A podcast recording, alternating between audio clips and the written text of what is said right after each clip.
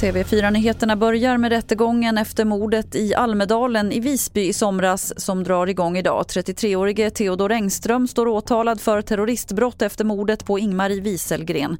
Vår reporter Kristin Stein som är på plats i Visby berättar vad som händer idag framför allt att åklagare Henrik Olin nu kommer inleda eh, rättegången med att göra sin sakframställan.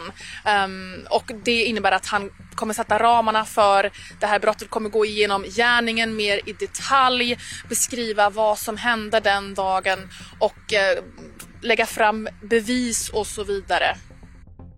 För bara en liten stund sen la regeringen fram den budget som man vill styra med under det kommande året. Bland annat föreslås att skatten på bensin och diesel sänks med en krona från årsskiftet och att a-kassan behålls på samma nivå som gällde under pandemin. Mer detaljer om budgeten finns på tv4.se. Igår fick Försvarsmakten in ett larm om ett allvarligt tillbud på F17 i Kallinge i Blekinge. Ett JAS-plan ska ha glidit av landningsbanan och in i ett fångstnät. En pilot fanns ombord men ska inte ha kommit till skada.